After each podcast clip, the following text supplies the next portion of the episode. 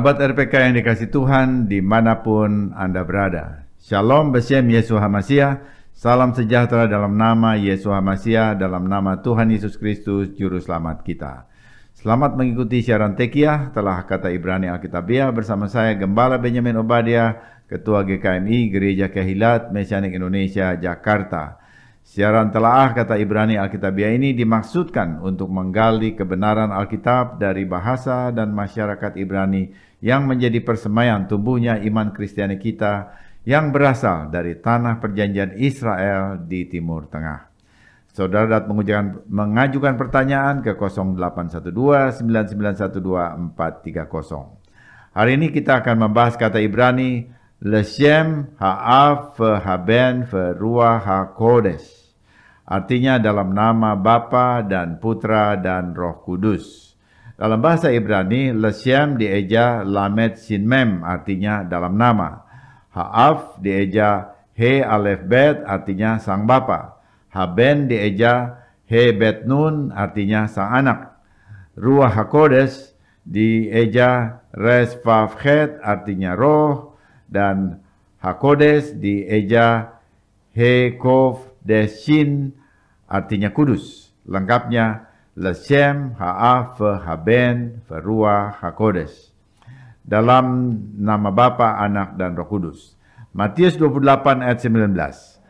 Karena itu pergilah, jadikanlah semua bangsa muridku dan baptislah mereka dalam nama Bapa dan Anak dan Roh Kudus. Dalam The Leeds Gospel, Injil berbahasa Ibrani tertulis, Fa'atem Lahu el kol hagoyim fa asu talmidim utaltem otam leshem haaf fahaben feruah hakodes. Ayat ini terkenal sebagai amanat agung yang terus dibaca oleh orang percaya dari tahun ke tahun. Namun kali ini kita akan memperhatikan nama yang dipakai oleh Yeshua dalam amanat ini yaitu Bapa dan Anak dan Roh Kudus. Kata ha dalam bahasa Ibrani setara dengan kata sandang the dalam bahasa Inggris atau sang dalam bahasa Indonesia. Perlu diperhatikan bahasa Ibrani ha'af, sang bapa, dan haben, sang anak atau sang putra, dan ruah hakodes, roh yang kudus, yang disebut itu merupakan satu nama, leshem, karena memakai bentuk tata bahasa tunggal. Sehingga ini dimaksudkan bukan sebagai tiga nama, tetapi satu nama. Terjemahan bahasa lain pun demikian, berbentuk tunggal. Yesua mengatakan perintah dan pemakaian nama pada baptisan untuk menjadi muridnya ini di hadapan murid-murid Yahudinya. Sebagai orang Yahudi mereka memahami bahwa Elohim, Tuhan yang disembah itu Ehad, berdasarkan ulangan pasal 6 ayat 4. Shema Israel Adonai Elohenu Adonai Ehad. Dengar Israel, Adonai Tuhan kita, Adonai Ehad, Esa. Kata Eloheinu berasal dari Elohim yang bersifat jamak. Namun dalam bahasa atau di dalam Torah tertulis, Elohim itu bertindak justru sebagai aktor tunggal saat menciptakan langit dan bumi. Dalam kejadian 1 ayat 1, kata kerja yang dilekatkan kepada Elohim adalah bara, menciptakan bersifat tunggal. Jadi Elohim dipahami sebagai tunggal, bukan jamak. Walaupun akhiran im dalam Elohim berarti jamak. Kalaupun Elohim bersifat jamak, ini merujuk pada sifat-sifatnya yang kaya. Sifat-sifat yang kaya dalam dirinya. Seperti El Gibor, Maha Besar. El Elyon, Maha Tinggi, El Shaddai, Maha Kuasa, El Roy, yang melihat, El Kana, cemburu. Namun semuanya itu merujuk hanya kepada Tuhan yang sama, yang esa, ehad itu. Sebaliknya, dewa bangsa-bangsa mempunyai banyak mempunyai banyak eh, bangsa-bangsa mempunyai banyak dewa, mempunyai Tuhan, tapi hanya mempunyai uh, satu sifat saja. Jadi ada dewa gunung, dewa laut, dewa pohon, dewa kesuburan. Masing-masing merupakan dewa tersendiri sehingga memerlukan banyak dewa. Bagaimana Yesua dapat sampai kepada istilah Bapa dan Anak dan Roh Kudus yang mungkin belum didengar para murid sebelumnya? Pada mulanya Elohim menciptakan langit dan bumi, kejadian 1 ayat 1.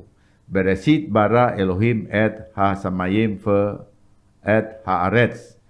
Elohim yang sama kemudian berfirman kepada Firaun, Raja Mesir, Israel ialah anakku, anakku yang sulung. Keluaran 4 ayat 22. Karena itu semua orang Israel mengerti bahwa Tuhan yang mereka sembah adalah Af atau Bapa bagi mereka. Karena Tuhan sendiri yang mengatakannya. Israel memahami posisi mereka sebagai anak-anak Elohim. Kepada murid-muridnya, Yesua mengajarkan mereka berdoa, Afinu Sheba Shamayim, Bapa kami di surga. Nah sekarang tentang hak Ben, sang anak. Yesua paling sering menyebut dirinya sebagai anak manusia. Yesua berkata, apabila anak manusia datang dalam kemuliaannya dan semua malaikat bersama-sama dengan dia, maka ia akan bersemayam di atas tahta kemuliaannya. Matius 25 ayat 31. Semua murid memahami siapa yang dimaksud. Pemakaian istilah anak manusia merujuk kepada nubuat Nabi Daniel. Aku terus melihat dalam penglihatan malam itu. Tampak datang dengan awan-awan dari langit seorang seperti anak manusia. Dalam bahasa Aramaik ini disebut Bar Enash. Datanglah ia kepada yang lanjut usianya itu. Dan ia dibawa ke hadapannya Daniel 7 ayat 13. Ini searah dengan sebutan anak manusia yang dipakai Yeshua yang merujuk kepada Mesias. Nah, ini adalah penjelasan mengenai sang anak. Sekarang yang berikutnya yang ketiga adalah Ruah HaKodes.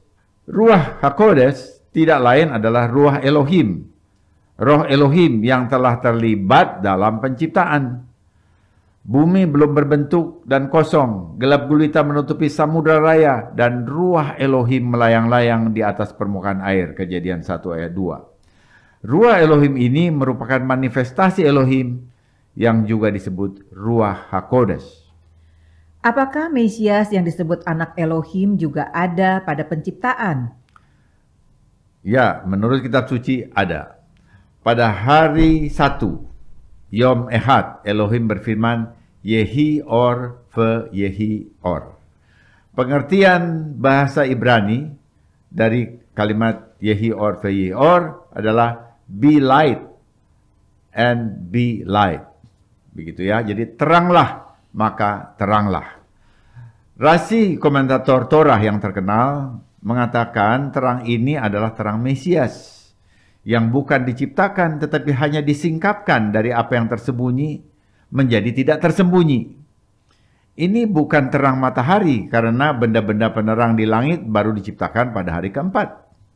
Karenanya firman Yehi Or, Fe Yehi Or sesungguhnya bukan menciptakan terang tetapi menyingkapkan dimensi terang yang ada pada firman Tuhan itu sendiri. Mesias Yeshua kemudian menyatakan bahwa ia adalah terang dunia. Yohanes 8 ayat 12. Yang dirujuk pada terang yang pad pada hari Ehad atau hari satu dalam kejadian 1 ayat 3. Hari penyingkapan terang ini disebut Ehad satu dan tidak disebut pertama atau Rishon. Padahal hari-hari berikutnya disebut dengan urutan hari, yaitu hari kedua, hari ketiga, dan seterusnya. Ini menunjukkan keistimewaan hari satu atau ehad yang menyingkapkan terang dari firman Elohim. Apakah perangkaian Bapa dan Anak dan Roh Kudus menjadi satu kesatuan ini mempunyai basis di dalam Torah? Kita melihat ulangan 6 ayat 4. Shema Yisrael Adonai Eloheinu Adonai Ehad. Dalam ayat singkat ini kita melihat nama Tuhan disebut tiga kali. Pertama, Adonai, Yud He Vav He. Kedua, Eloheinu dari Elohim. Ketiga, Adonai, ya yang adalah juga Yud He Vav He. Ketiganya merujuk kepada Tuhan yang ehad dengan menyebutkannya tiga kali. Dalam bahasa Brani ada dua kata yang berarti satu, yaitu Yahid dan Ehad. Yahid adalah satu tunggal, singularity. Ini muncul dalam kejadian 22 ayat 2. Firmannya, Ambillah anakmu yang tunggal, Yahid itu, yang engkau kasihi, yakni Ishak. Pergilah ke tanah Moria dan persembahkanlah dia di sana sebagai korban bakaran pada salah satu gunung yang akan ku katakan kepadamu. Kata Yahid di sini menunjuk pada arti tunggal, singularity. Pada saat itu Abraham mempunyai dua anak, Ismail dan Yitzhak. Namun Yitzhak adalah anak satu-satunya dalam arti anak perjanjian. Kata Yahid dengan jelas membedakan kedua anak ini. Ehad berbeda dengan Yahid. Ehad adalah composite unity atau satu dalam kesatuan. Kata ini muncul dalam berbagai keadaan, dalam kejadian 1 ayat 5. Dan Elohim menamai terang itu siang dan gelap itu malam. Jadi petang dan jadilah petang dan jadilah pagi. Itulah hari satu, Yom Ehad. Kita lihat di sini dipakai kata Ehad yang merujuk pada dua komponen yang dapat dibedakan, yaitu malam dan siang. Kata Ehad juga dipakai pada kejadian 2 ayat 24 Sebab itu seorang laki-laki akan meninggalkan ayahnya dan ibunya dan bersatu dengan istrinya. Keduanya menjadi satu daging atau basar ehad. Kata Ibrani untuk satu di sini adalah ehad. Mengapa ehad bukan yahid? Karena dua orang yang berbeda yaitu laki-laki dan perempuan dipersatukan dalam satu keluarga. Kalau yahid hanya salah satu saja yang diambil, jadi ketunggalan. Sementara ehad keduanya diambil untuk dipersatukan. Composite unity, satu dalam kesatuan. Petunjuk dalam budaya Yahudi lainnya. Dalam sidur jamuan Pesak Ibrani, di dalam acara matzah atau roti tak beragi, kita mengambil matzah dalam kantong matzah yang di dalamnya terdapat tiga roti tidak beragi. Para rabi menjelaskan angka tiga di situ sebagai kesatuan leluhur iman, ya Abraham, Yitzhak, dan Yakov. Atau ada juga yang menjelaskannya sebagai kesatuan penyembahan, yaitu para imam, suku Lewi, dan umat Israel. Paralel dengan ini, kita dapat juga menjelaskan tiga potong matsud itu sebagai kesatuan Bapa dan Anak dan Roh Kudus, seperti yang diamanatkan oleh Mesias Yeshua. Apakah dengan adanya tidak tiga bagian nama itu, kemuliaan Tuhan akan terbagi tiga? Ini pertanyaan pokok, six million dollar question. Agar tidak berspekulasi, untuk menjawab ini kita perlu lihat pernyataan firman Tuhan sendiri. Kita baca beberapa ayat. Yesaya 42 ayat 8, Aku ini Tuhan, Yud He Vav He, itulah namaku aku tidak akan memberikan kemuliaanku kafodi kepada yang lain atau kemasyuranku kepada patung. Jelas Tuhan tidak akan berbagi kemuliaan dengan siapa pun. Sekarang kita bandingkan dengan doa Yeshua kepada Bapaknya di sorga. Yohanes 17 ayat 5. Oleh sebab itu, ya Bapa, permuliakanlah aku padamu sendiri dengan kemuliaan yang kumiliki di hadiratmu sebelum dunia ada. Yesua memiliki kemuliaan sebelum dunia ada. Apa artinya ini? Kemuliaan Bapa itu sama dengan kemuliaan anak. Kemuliaan anak sama dengan kemuliaan Bapa. Kemuliaan Tuhan tidak dapat dibagi. Artinya anak itu adalah bagian di dalam Bapa sendiri. Ini dapat dilihat dari percakapan Yesua sendiri dalam uh, Yohanes uh, 8 ayat 42. Kata Yesua kepada mereka, Jikalau Elohim adalah Bapamu, kamu mengasihi aku sebab aku keluar dan datang dari Elohim. Perhatikan Yesua mengatakan ia keluar dan datang dari Elohim. Sebelum lahir di Bethlehem, Yesua ada di dalam Bapa surgawi. Kalau boleh memakai bahasa manusia, Yesus adalah bagian dari Bapa. Tapi bagian yang mana? Bagian yang disebut firman.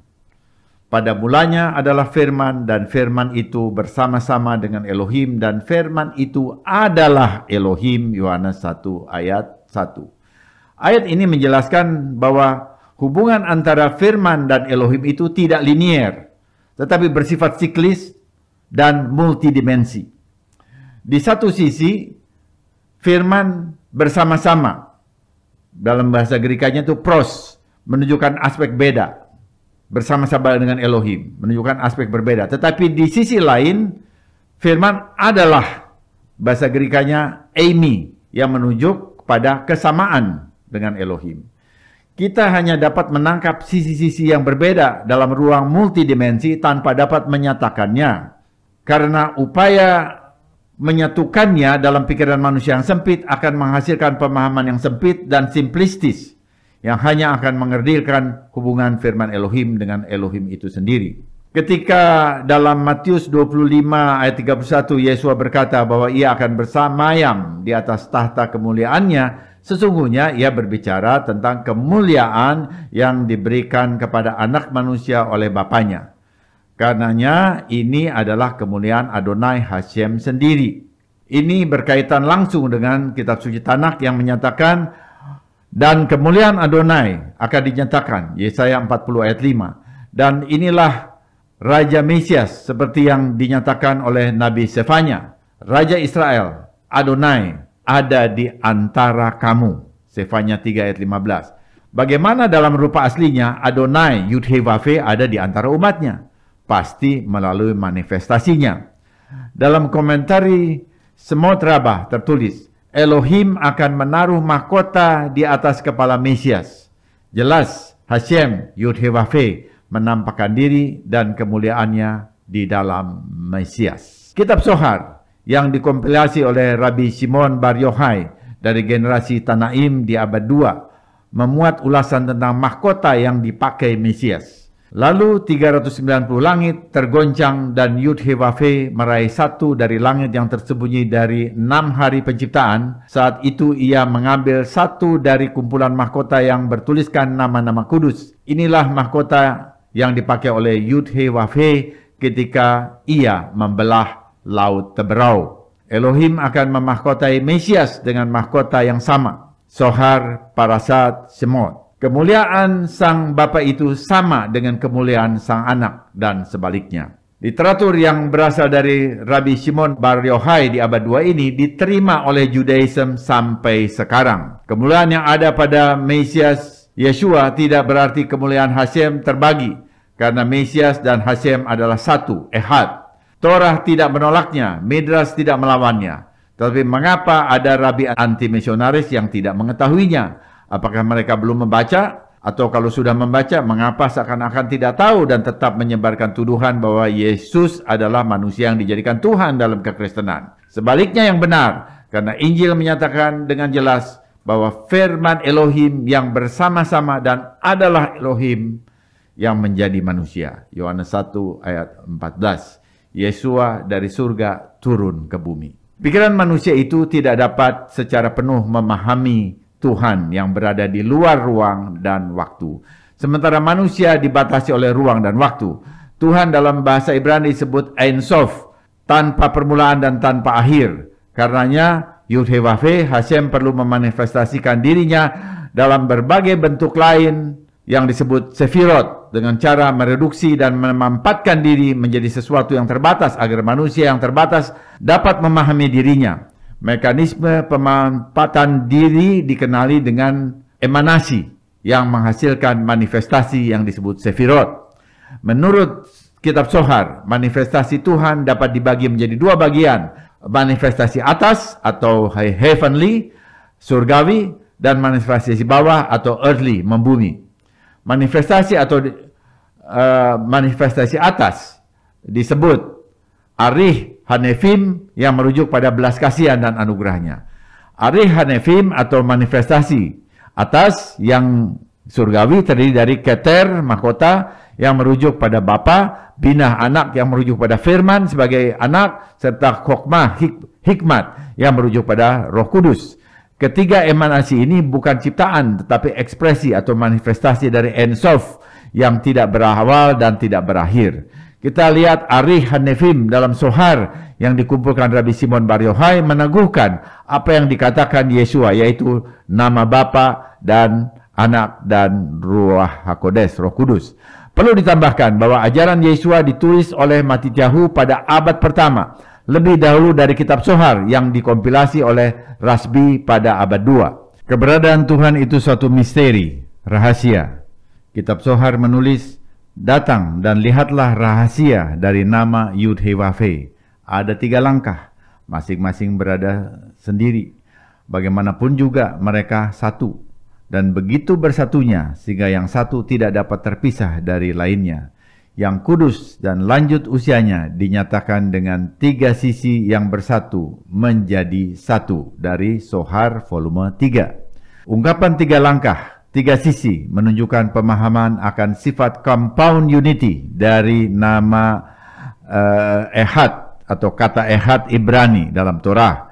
Lebih dari itu, mekanisme hubungan dalam diri Tuhan tidak dapat dilukiskan oleh bahasa manusia dan karenanya bila dipaksakan malah akan menyimpang dari kebenaran. Ungkapan nama Ha'af Haben Ruah HaKodes, Bapa dan Anak dan Roh Kudus berakar pada kitab suci Tanakh dan Judaisme kuno dan sama sekali bukan pikiran Yunani.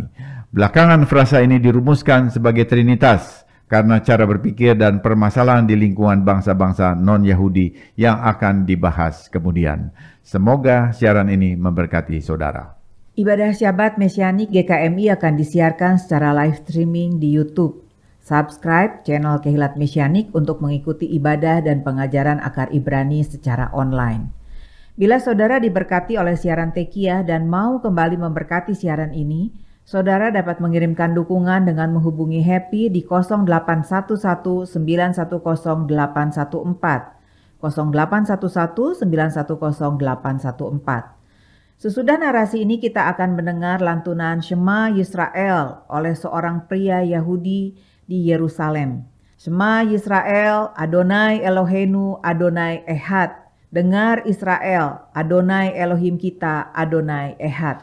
Tiba saatnya saya Gembala Benjamin Obadia dan Penatua Ira Obadia mohon diri dari ruang dengar saudara. Sampai jumpa pada siaran mendatang. Yesua keselamatanku, Torah kesukaanku, menuju kepenuhan bangsa-bangsa. Shalom.